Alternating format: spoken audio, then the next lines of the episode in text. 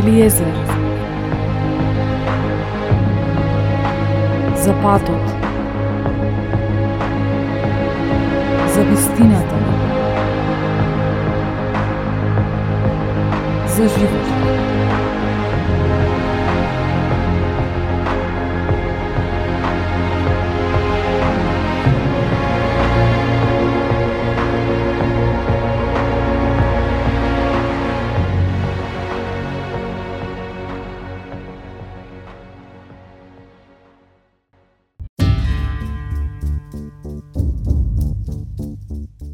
Почитувани драги мои, здраво. Нема поголема, по блажествена, поубава, попозитивна причина од Исусовото раѓање. Ви предлагам да останете заедно со мене во ова убава енергија која што, еве, Господ Бог ви ја праќа вам. Мир со вас.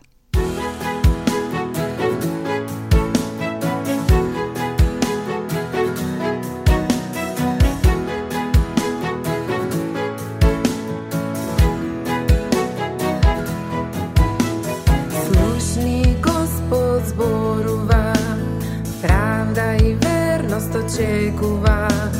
Секој што бори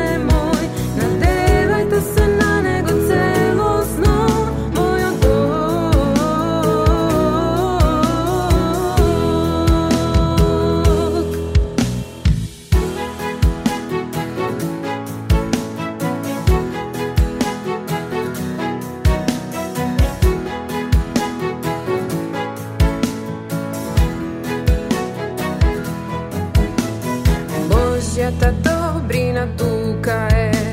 Секој што бара ке пронајде. Народите што ги создаде Ке видат колку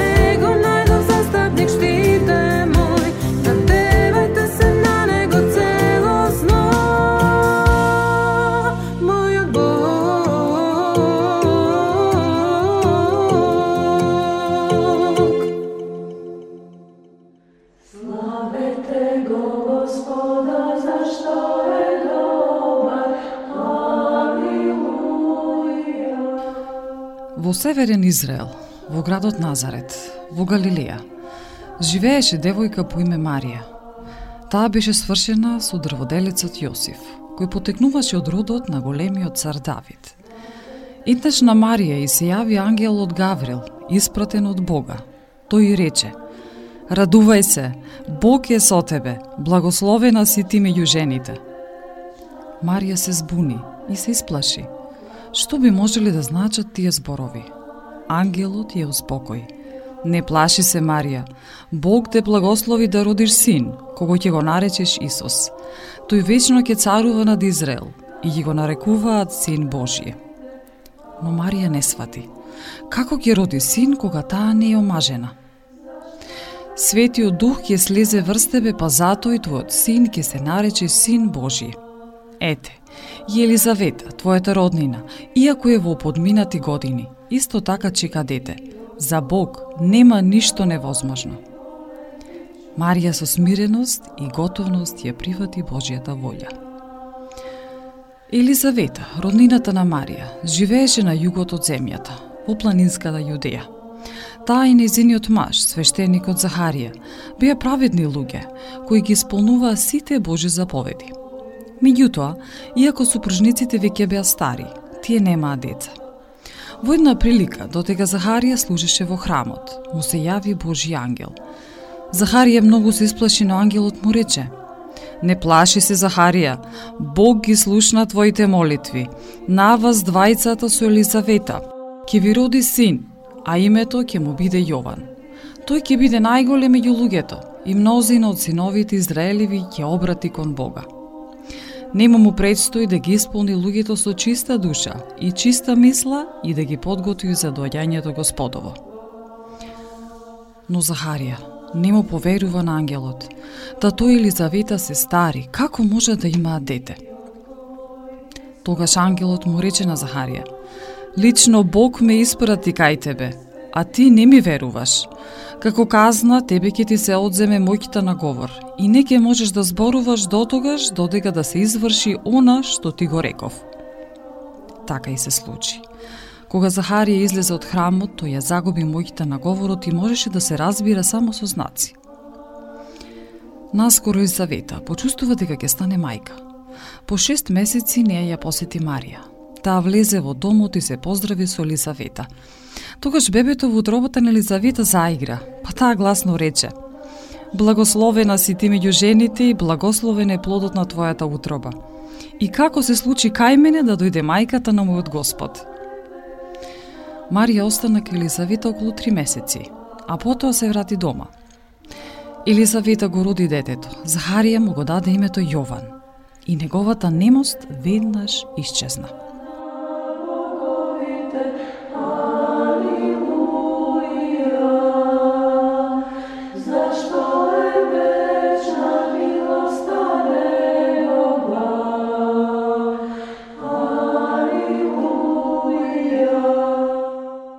Дрводелецот Јосиф, кој се подготуваше да се ожени со Марија, беше човек благочестив и праведен. Кога дозна дека Марија очекува дете, не сакаше да ја посрами и намисли тајно да ја отпушти. Меѓутоа, само што го помисли тоа, ангелот Гаврил му се јави насон и му рече Јосифе, не плаши се да ја земеш Марија. Детето што таа го носи во себе е од Светиот Дух. Таа ќе роди син и ти ќе го наречеш Исус. Тој ќе го спаси својот народ од неговите гревови. Јосиф постапи како што му рече ангелот. Тој стапи во брак со Марија и таа почна да живее во неговиот дом.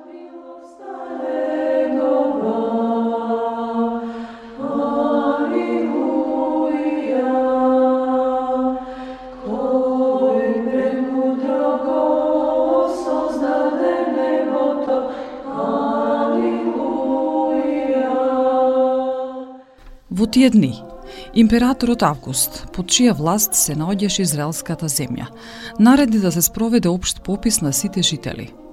Секој жител беше должен да се запише во градот во кој живееле неговите предци.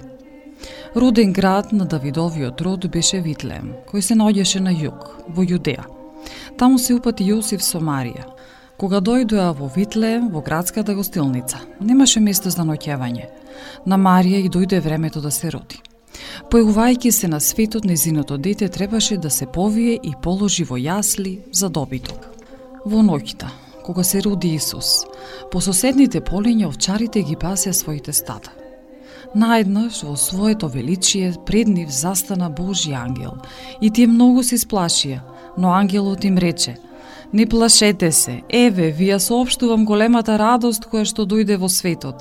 Во градот Давидов се роди Господ, Спасителот, кого лесно ќе го препознаете бидејќи новороденчето повиено лежи во јасли.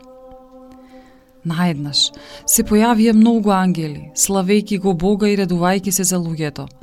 Овчарите си рекоа еден на друг, треба поскоро да одиме во Витлеем и да го видиме новороденчето за кој ни соопшти Бог. Тие побрза и појдоа во градот, па ги најдоа Марија и Јосиф и новороденчето што лежеше во јасли. Потоа пастирите на секаде раскажуваа за тоа што го видоа и сите ги восхитуваа со своето кажување. Славете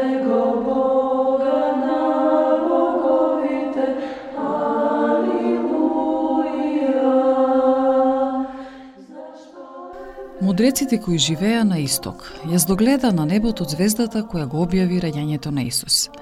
Тие дојдоа во Ерусалим и почнаа да се распрашуваат. Каде се роди царот јудејски? Ја видовме неговата звезда, подојдовме да му се поклониме. Во тоа време во Јудеја управуваше царот Ирод. Штом слушна за новородениот цар, тој се исплаши, па ги собра сите првосвештеници, народни книжници и ги праша: Каде треба да се роди Месијата Христос? Тие му одговорија: Во Витлеем. Според старото пророштво, Месијата требаше да произлезе од потомството на Јуда, синот на Јаков, и да се роди во градот кој одамна владееле потомците на Јуда. Тогаш Ирод тајно ги повика мудреците да и дозна од нив точно за времето кога се појавила звездата. Испраќајќи ги во Витлем рече, кога ќе го најдете новороденчето, јавете ми, за да отидам и јас да му се поклонам. Мудреците тргнаа на пат. И ете, звездата што ја здогледа на исток, врвеше пред нив, се додека не застана над местото каде што беше новороденчето. Мудреците многу се израдуваа. Влегувајќи во куќата ја здогледа Марија со новороденчето и падна на коленици пред Исус. Потоа мудреците му принесоа подароци, злато, ливан и смирна. Ноќта, мудреците примија насон божествена наредба да не се вратат кај Ирод, туку по друг пат си заминаа во својата земја. Зашто е вечна милоста Негова? Алилуја. Кога мудреците заминаа, ангел Господов му се јави на Јосиф насон. Ангелот му рече на Јосиф да ја земе Марија, новороденчето и сонив да бега во Египет, затоа што царот Ирод има намера да го најде и да го убие Исус. Јосиф и неговото семејство требало да останат во Египет до времето додека ангелот не им дозволи да се вратат. И целото семејство брзо се упати во Египет и остана таму до смртта на Ирод. Така прескажи пророкот во старите времиња. Кога виде дека мудреците го измамија, Ирод се разлути многу и нареди да се убијат сите новороденчиња во Витлем и по целата негова околина на возраст до две години. Судејќи според кажувањата на мудреците, меѓу нив требало да биде Исус. Ова убивање на новороденчиња исто така беше предскажано од пророкот Еремија. Кога умре Ирод, цар на Јудеја стана неговиот син Архелај. Тогаш ангел Господов му се јави на Јосиф и му дозволи да се врати со семејството во татковината. Меѓутоа Јосиф се плашеше да се врати во Јудеја откако доби вест на сон, тој се упати на север во галилејските предели во градот Назарет. Со тоа се исполни уште едно старо пророштво кажано преку пророците дека Месијата ќе го наречат Назареец. Така, Јосиф, Марија и незиниот син се населија во Назарет. Исус издрасна, закрепнувајќи се духовно и исполнувајќи се со мудрост.